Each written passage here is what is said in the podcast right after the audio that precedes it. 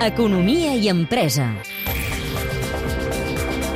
L'actualitat empresarial, laboral i econòmica a Catalunya Informació.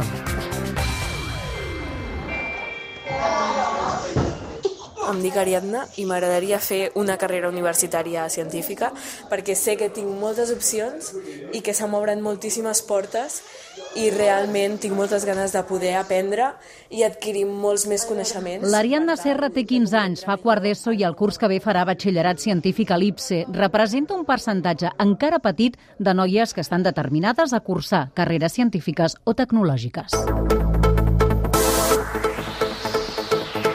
La tendència és que cada vegada més dones trobin el seu lloc en aquesta indústria, però la realitat és tossuda i avui només representen el 30%.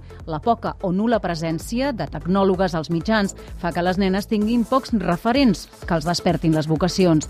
Tampoc hi ajuda el fet que els informàtics siguin els friquis a les sèries que miren els adolescents. Fer més visibles les tecnòlogues és l'objectiu d'algunes organitzacions com Women in Mobile, un espai paral·lel al Mobile World Congress que ens presenta la seva directora d'operacions, Sònia Casado. Fa sis anys doncs, hi havia molt poques, crec que eren aproximadament el 5%, i per això es va fer doncs, un esdeveniment fora del Mobile durant la mateixa setmana per donar visibilitat a les dones.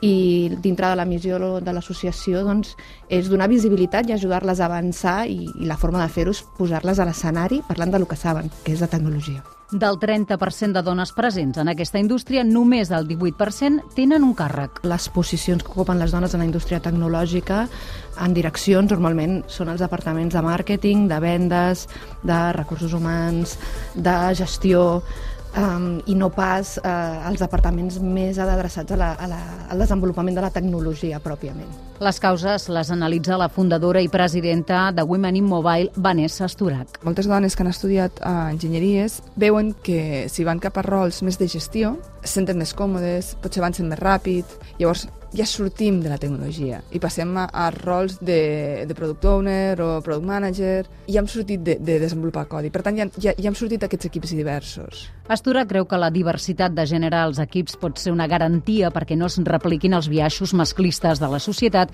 que frenen l'accés de la dona a aquesta indústria.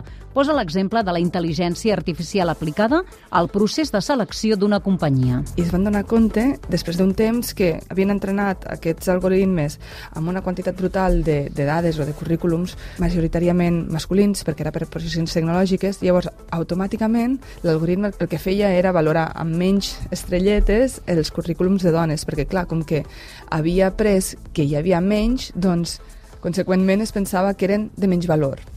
Això sí, hagués sigut un equip divers que ho hagués creat, no hagués passat. La necessitat de personal en formació digital creix a un ritme més ràpid del que es pot cobrir.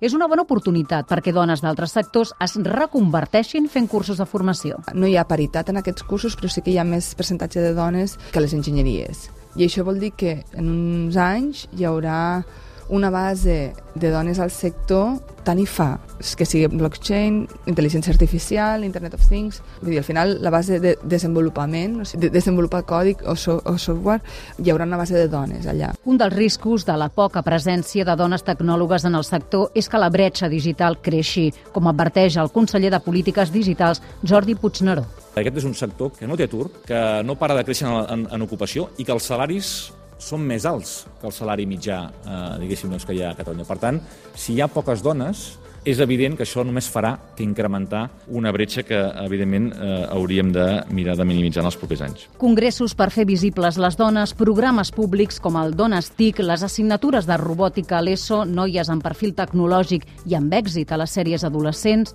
una suma d'esforços en una revolució silenciada per evitar que d'aquí pocs anys la dona quedi fora de la indústria digital. És un reportatge de Carme Montero amb el muntatge tècnic de Jordi Galbany. El teniu disponible al podcast de l'Economia i Empresa.